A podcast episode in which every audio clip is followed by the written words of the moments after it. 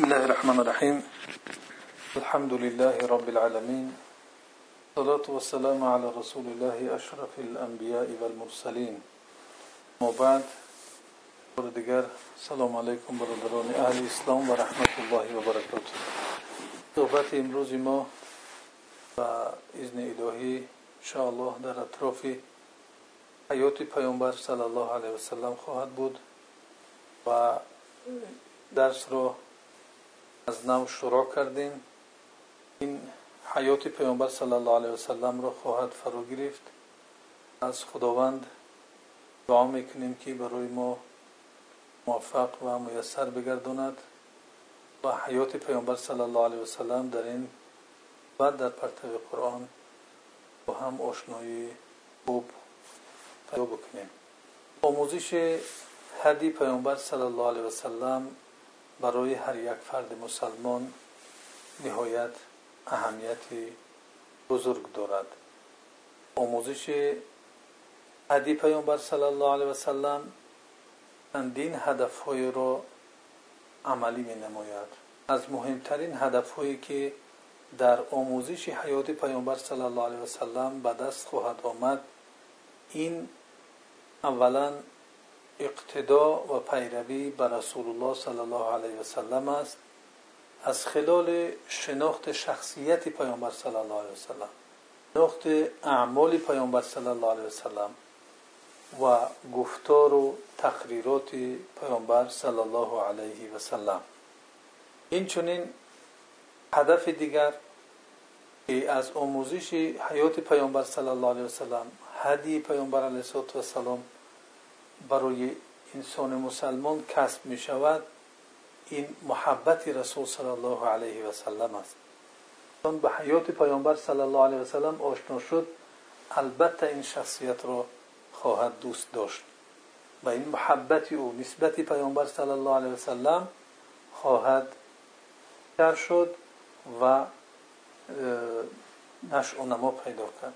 این چونین هدف دیگری که عملی می شود از طریق آموختن هدی پیامبر صلی الله علیه وسلم و حیاتش این آشنایی به حیات صحابه کرام است. رضوان الله علیهم اجمعین. آن کسانی که با پیامبر صلی الله علیه و سلم تلاش و تکاپو در حیات کردند. و این آموزش فرد مسلمان را وادار می‌کند که آنها را دوست بدارد و بر راهی که آنها رفتند بر آن راه برود و از آنها پیگیری نماید و پیروی کند.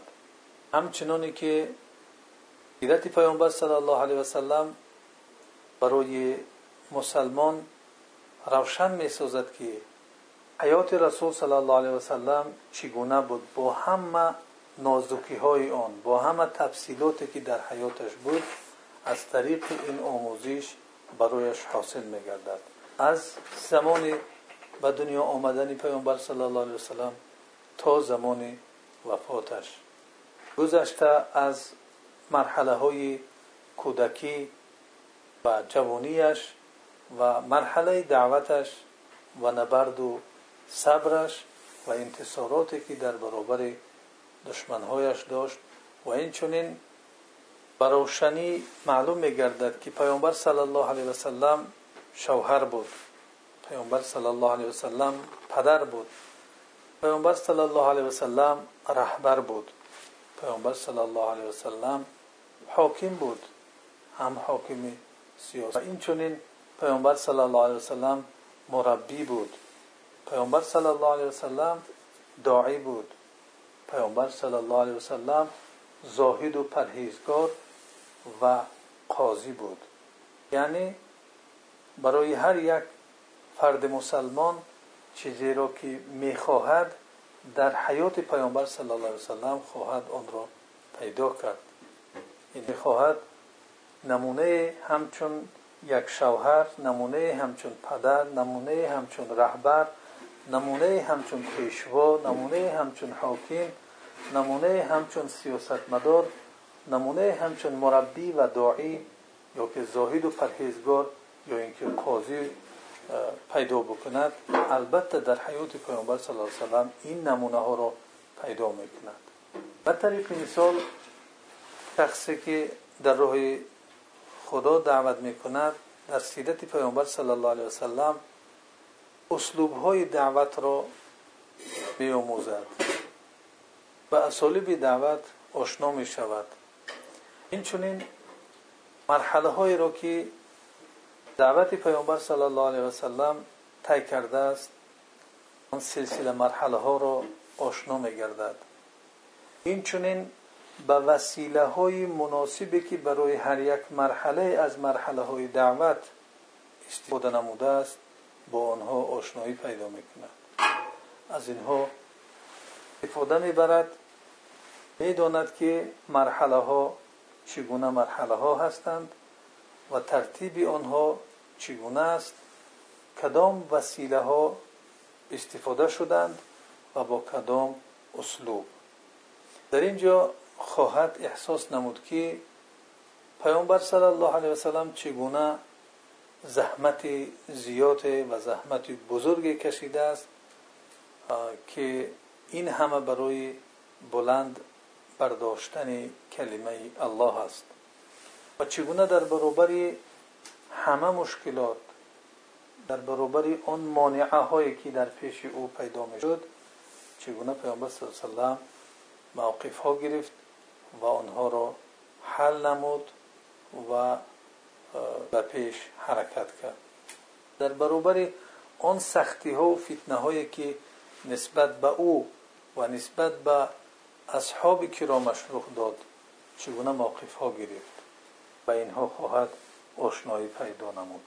اینچنین شخص مربی وقتی می‌خواهد که یک تربیتگر خوب باشد چون به حیات پیامبر صلی الله علیه وسلم آشنا می شود خواهد دید که پیامبر صلی الله علیه سلام چگونه راه تربیت را و چگونه راه تاثیر بخشیدن در مردم را در شکل عموم و بر اصحاب کرامش به شکل خصوص داشت که آنها را با دست خود تربیت نمود و زیر عنایت و دقت خود فرا گرفت و آنها را یک نه از آنها یک نسل را برآورد که آن نسل نسلی بی همتای قرآنی بود. از آنها یک امتی ساخت که آن امت بهترین امت بود که برای مردم برآورده شده بود که امری به معروف می‌کرد و از کارهای منکر نهی مینمود و به الله سبحانه و تعالی ایمان می آورد و در حیات عدالت را برپا نمود. این چنین برای هر نفری که در حیات پیامبر صلی الله علیه و سلم می‌خواهد نمونه را پیدا بکند البته خواهد пайдо намуд аз ин ҷиҳат мо шуруъ мекунем дар омӯзиши ҳаёти паёмбар сал ллоҳ алайҳ васалам ва дар кутуби сирати паёмбар сал ла алиҳ васалам мабҳасҳои зиёде мавзӯъҳои зиёде пеш аз шурӯъи ҳаёти паёмбар с салам гуфта гузаштанд мо дар ин масъалаҳо намеистем агар худованд фурсат дод بعد به آنها خواهیم رجوع کرد و ما شروع می‌کنیم مستقیما از نسبی پیامبر صلی الله علیه و ولادت او و امثال اینها. یعنی اون موضوع هایی که پیش از ولادت پیامبر صلی الله علیه و بعضی حادثه ها و حالت اجتماعی حالت اقتصادی حالت سیاسی منطقه یا خود مکه در چه حالت بود حالت بعضی موضوع هایی که پسندگان سیرت پیش از ذکر نسبی او پیش از ذکر ولادت او بیان نمودند. ما در آنها توقف نمی‌کنیم و شروع می‌کنیم مستقیما از نسب پیامبر صلی الله علیه و ولادت او و امثال اینها. نسب پیامبر صلی الله علیه و سلم. پیامبر صلی الله علیه و سلم از حرفت من ترین مردم از روی نسب می‌باشد. یعنی نسب او بسیار نسب شریف است و از روی خلق و خلق یعنی از روی آفرینش آفریده شده است و از روی اخلاق کامل ترین شخص بوده است. در شرف نسب پیامبر صلی الله علیه و وسلم احادیث صحیح وارد شده است. که از جمله آن احادیث صحیح حدیثی است که آن را مسلم روایت نموده است که پیامبر صلی الله علیه وسلم گفته است. همانا الله عز و جل کنانه را از فرزندان اسماعیل اختیار نمود و قریش را از کنانه اختیار نمود و از قریش بنی هاشم را و مرا از بنی هاشم اختیار کرد. یعنی پیامبر صلی الله علیه وسلم به شکل مختصر اینجا نسب خود را بیان می نموید و امام بخاری رحمه الله نسب پیامبر صلی الله علیه وسلم را ذکر نموده گفته است که او محمد ابن عبدالله ابن عبد المطلب ابن هاشم ابن عبد مناف ابن قصي ابن كلاب ابن مرة ابن كعب ابن لؤي ابن غالب ابن فهر ابن مالك ابن نضر ابن كنانة ابن خزيمة ابن مدركة ابن إلياس ابن مضر ابن نزار ابن معد ابن عدنان. و بغوی در شرح سنت بعد ذکر نسب تا عدنان گفته است که حفظ نسب پیامبر صلی الله علیه وسلم بالاتر از عدنان یعنی درست نیست. به شکلی که حفظ صحیح آن به ما نرسیده است. و بسیار دانشمندان در این مورد گفتند که خلاف زیادی هست در کسانی که نسبدان ها می باشند و نسب پیامبر صلی الله علیه وسلم را بعد عدنان ذکر کرده است. ولی این یقین است که عدنان از فرزندان اسماعیل علیه السلام است و اسماعیل علیه السلام فرزند ابراهیم علیه السلام است. یعنی ما نسب صحیح پیامبر صلی الله علیه وسلم را داریم تا عدنان و بعد عدنان اختلاف است بین دانشمندان و که چند پشت تا اسماعیل علیه السلام می‌رسد و کیها هستند؟ در اینجا اختلاف است. ولی یقین است که عدنان از سلسله فرزندان اسماعیل علیه السلام است.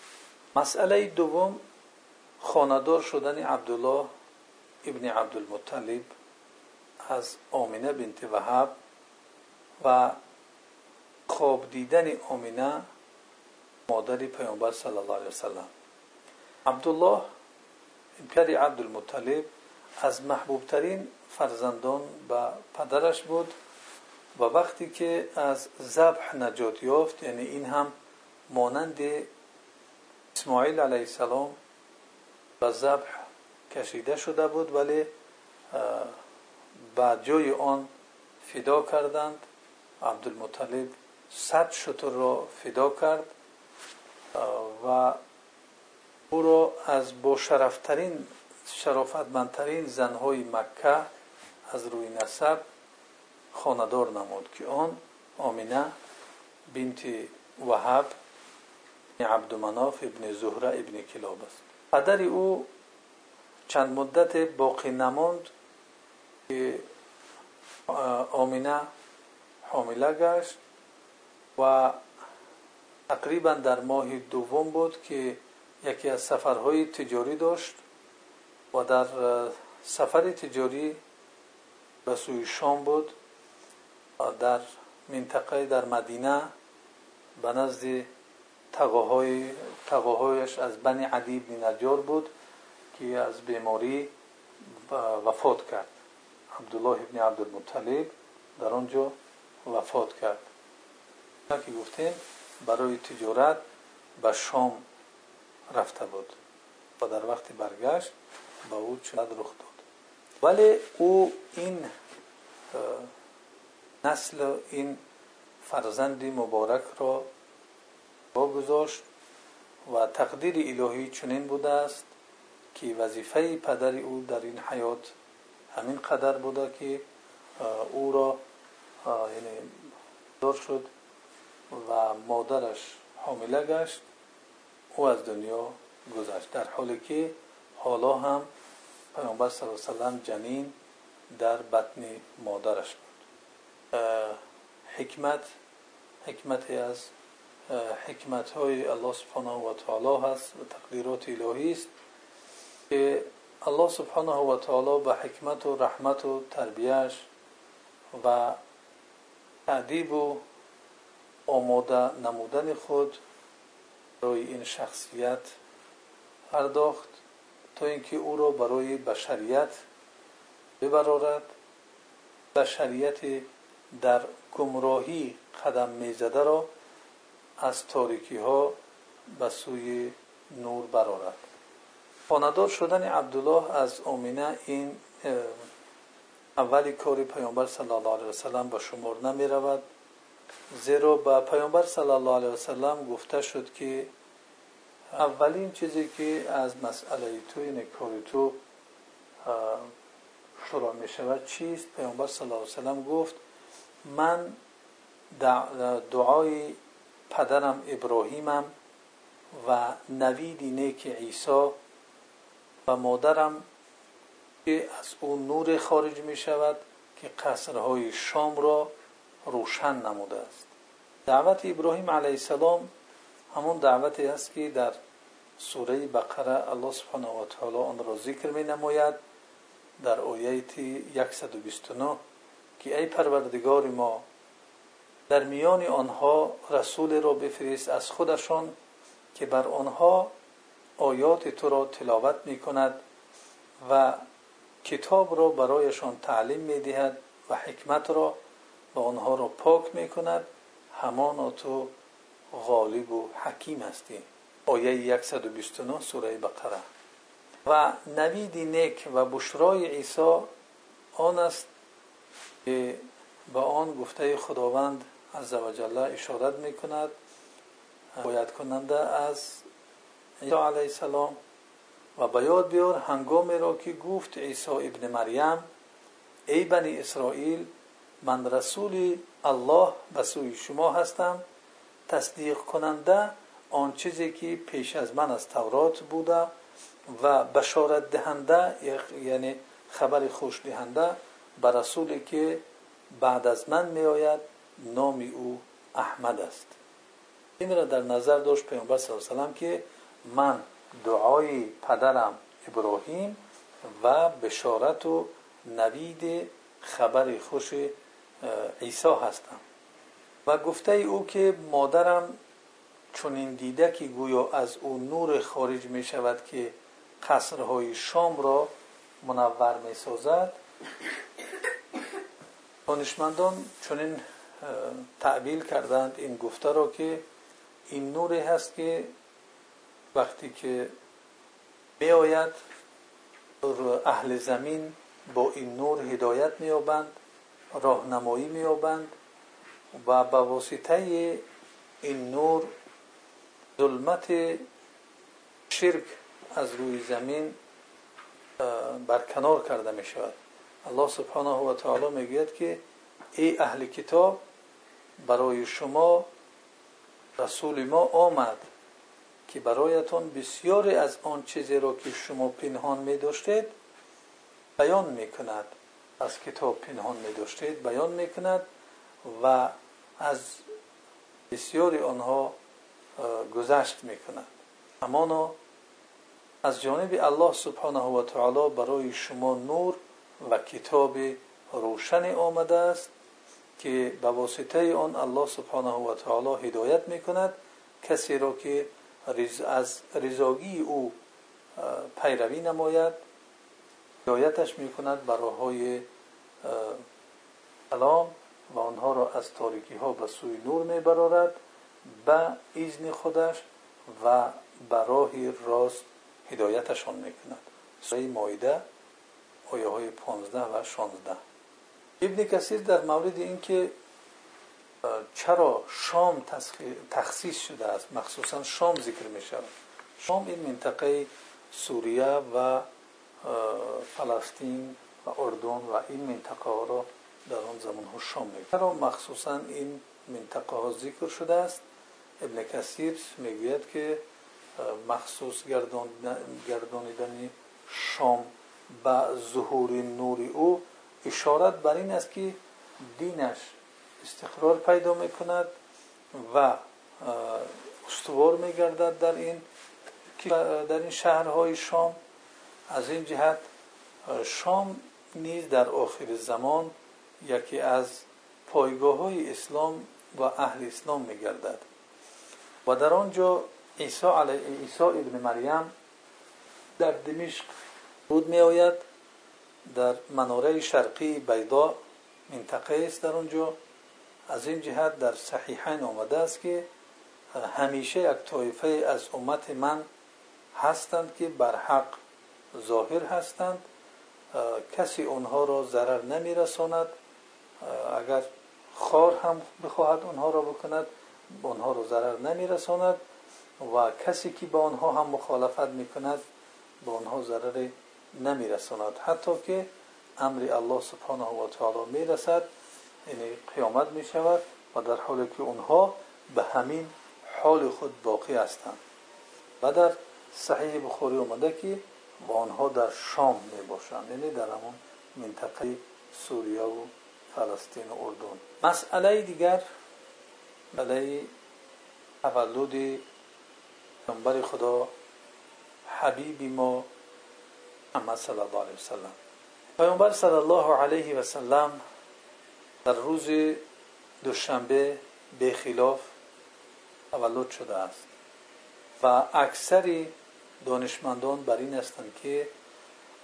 دوشنبه روز دوازدهمی ماه ربیع الاول است. و این چنین اجماع بر این است که تولد پیامبر صلی الله علیه وسلم در عام الفیل واقع شده است. یعنی این را در خاطر بگیریم که روز دوشنبه تولد شدنش این اختلاف نداره ولی در مورد روز دوازدهم ربیع الاول این نظر اکثر علما هست نه همه علما. یعنی اکثر علما بر این نظر هست که دوازدهم ربیع الاول است. و این چنین اجماع است بر اینکه آن سالی که پیامبر صلی الله علیه وسلم تولد می شود همون عامل فیل است. سالی که در آن حادثه فیل رخ داد و برای همه ما اون معلوم است که قصهش در سوره علم ترکیف اومده است. تولد پیامبر صلی الله علیه وسلم در خانه ابو طالب واقع می شود در شعب بنی هاشیم مسئله چهارم مرزعات یا شردهنده های پیامبر صلی الله علیه و سلم کسی که پیامبر صلی الله علیه و سلم را نگاه و بین و تربیت می‌کرد این ام ایمن برکه حبشی کنیزکی پدرش بود. و اولین کسی که پیامبر صلی الله علیه و سلم را شیر داده است این سویبه کنیزکی عمکش ابولهب می باشد این چنین حلیمه سعدیه از جمله کسانی هست که پیامبر صلی الله علیه و رو شیر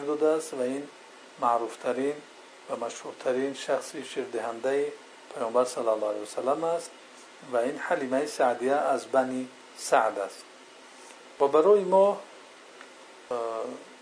خبری پیامبر صلی الله علیه و سلم رو در این مرحله او روایت می‌کند و از برکتی پیامبر صلی الله علیه و سلم بسیار سهم خوب گرفته است. هم خودش و هم خاندانش و هم فرزندانش و حتی چهار پایانی که در اون خانه داشتند همه از وجود پیامبر صلی الله علیه و سلم برکت گرفتند.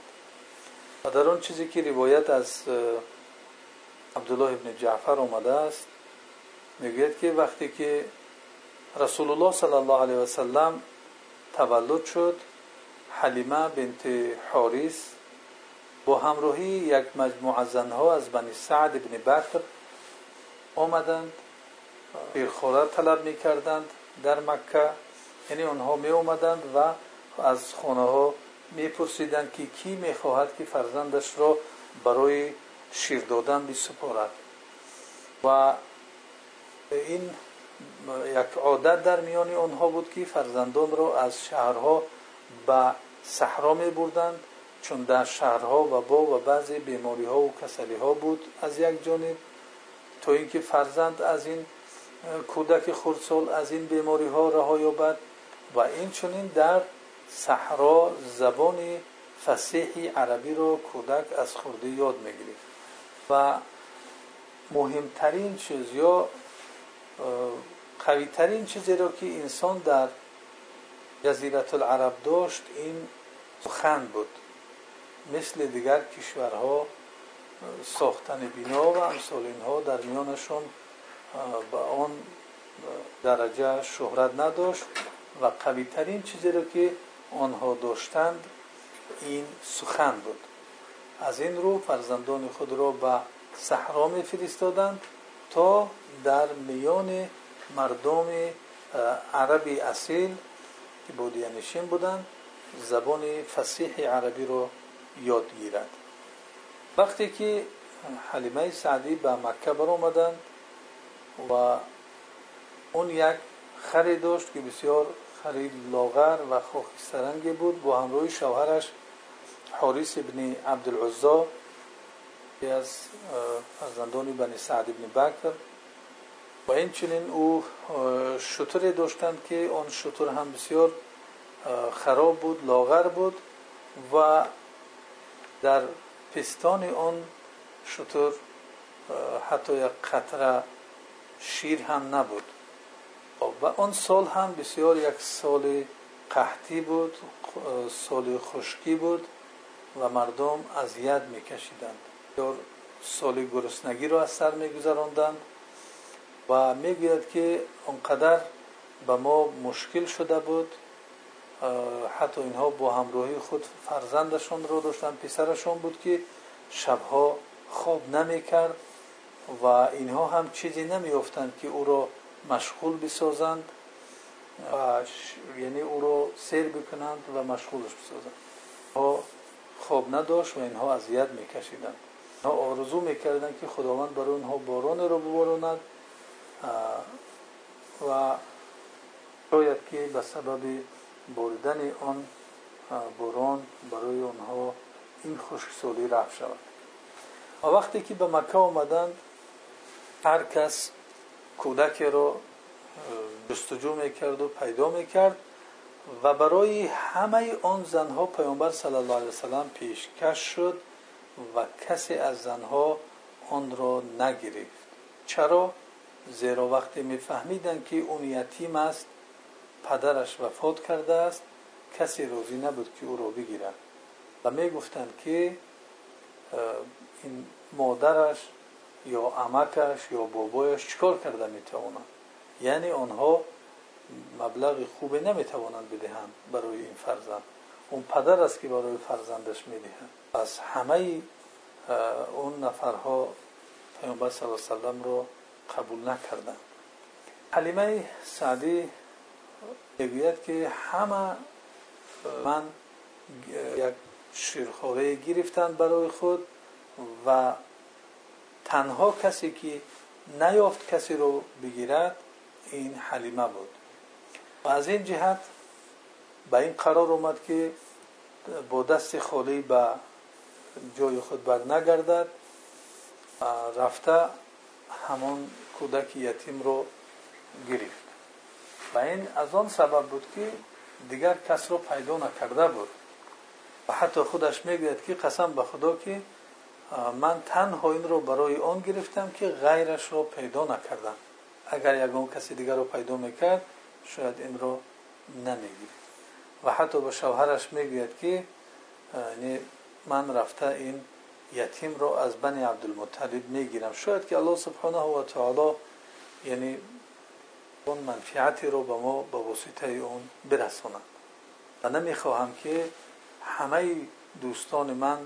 با شیرخوره بر بگردن و من دست خالی به خانه برگردم.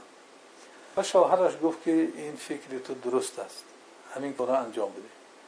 حلیمه می‌گوید وقتی که من رفتم و او رو گرفته آوردم با این جایی که دادی سفری ما بود و ترش و بارها و شطور اینها بودن قسم به خدا می‌گوید که به مجرد آن که رسید به این منطقه قدم پیامبر صلی الله وقتی اون کودک شیرخوار را آوردن در پیستان این زن هم شیر پیدا شد در پیستان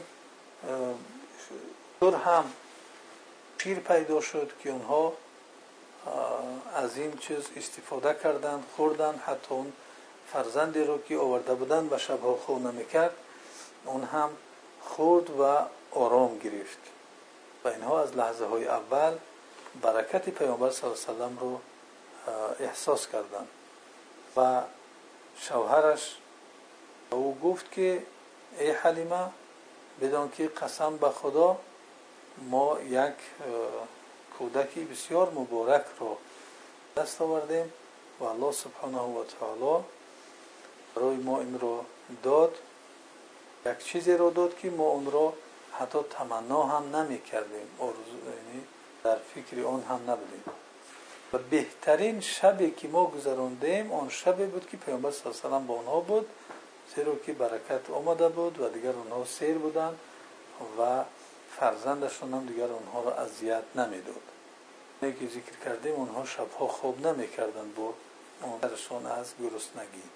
پس فردا وقتی که برمیگشتیم به منطقه خود من می‌گوید با اون خود سوار شدم و شوهرم با به شرش همه اون دوستان دوستانش رو که با آنها آمده بود و از قفای کاروان می اومد همه آنها رو گذشت. یعنی با برکت پیامبر صلی الله علیه و بینید که حتی اون خری بسیار لاغری که داشت قوت گرفت.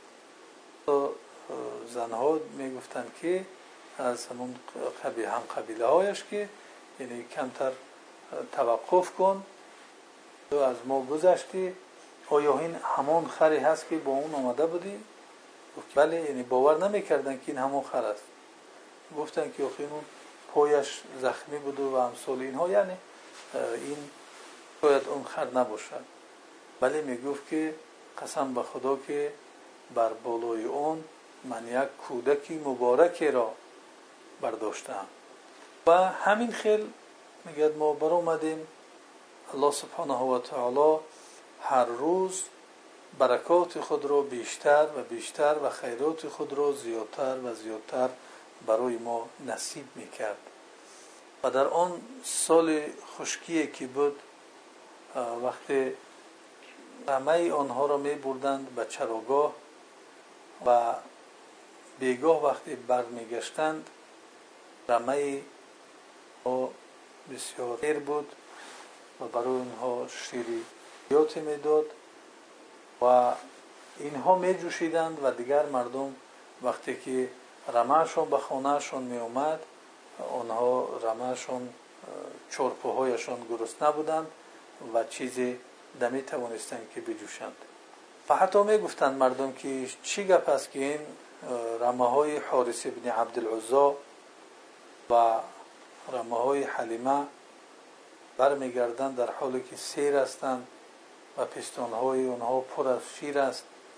ولی این چهار پایان شما وقتی که برمیگردند گرسنه هستند وای بر حال شما در جایی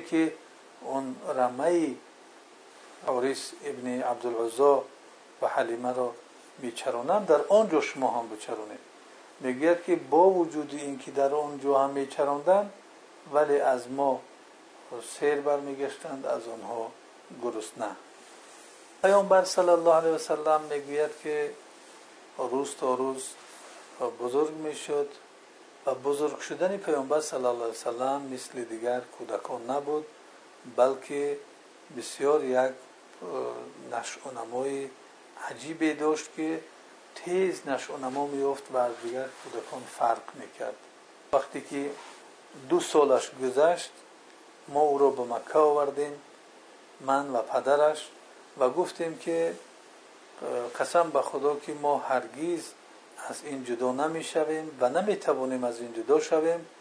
وقتی به نزد مادرش آمدیم گفتیم که ما از این دیده با برکتتر یگان کودکی را ندیدیم. این برکت بزرگی رو که بزرگترین برکت هایی رو که خداوند نصیب ما گرداند به سبب این کودک بود و میترسیم که خداوند میترسیم که در این شهر به او یگان بیماری برسد یعنی در مکه.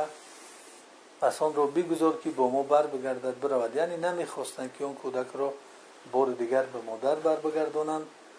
و یعنی هر بهانه را پیش می‌کردند تا اینکه دوباره اون را بگیرند که در اینجا بیماری هاست و بیماری ها به اون نرسد و تا کلان شدنش که تا باور باشد به این بیماری ها در جای ما باقی ماند تا جایی که دیگر مادرش رو راضی کننده و اون را بار دیگر برگردانده آوردند و چند ماه نگذشته بود یا چند مدت سه ماه چهار ماه نگذشته بود که وقتی در پشت خانه ها بازی می‌کردند با همراهی برادرش که در آنجا بوز و بزغاله بوز و بزغاله رو میچرانیدند ناگهان اون برادرش به پدر و مادرش آمد و گفت که اون برادر قریشی رو به نزدش دو مرد آمدند با لباس های سفید و اون رو گرفته خواب کردند و قفس سینهش را یا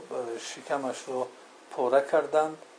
وقتی ما بر آمدیم دیدیم که رنگ پیامبر الله من و پدرش وقتی بر آمدیم سریع شتابان بر آمدیم دیدیم که راست ایستاده است و رنگ رویش پریده بود.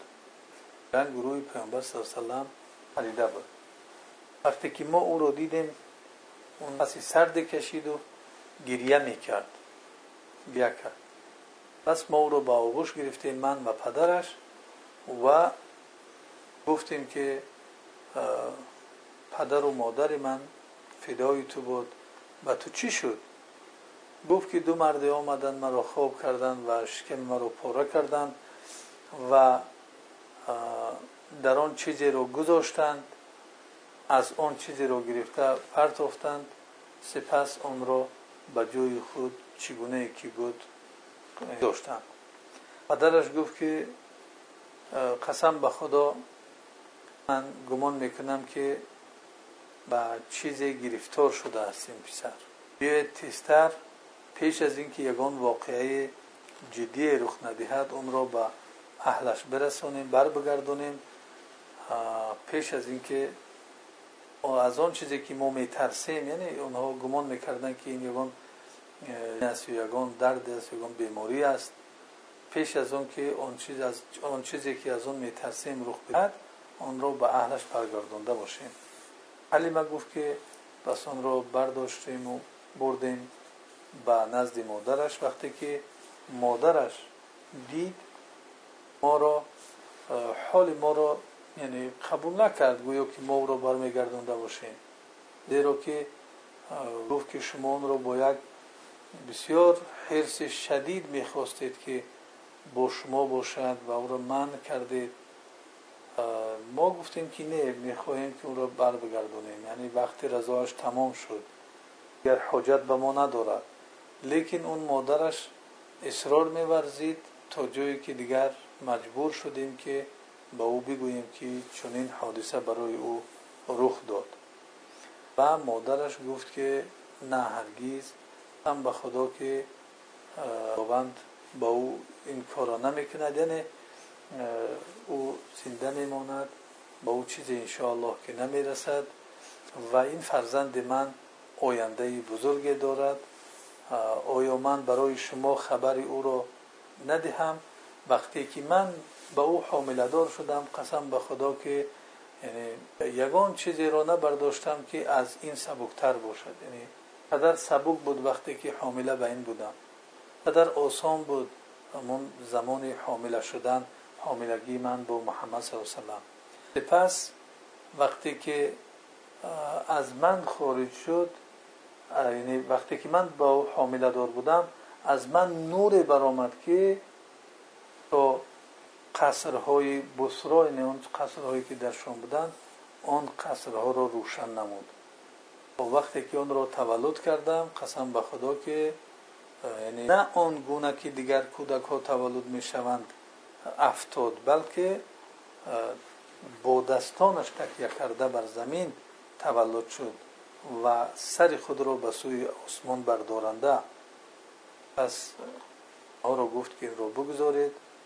و مادرش را گرفت و ما برگشتیم. بود آن چیزی را که امروز می‌خواستیم با هم در مولد حیات پیامبر صلی الله علیه وسلم و اگر در این مولد یک باشد مرحمت.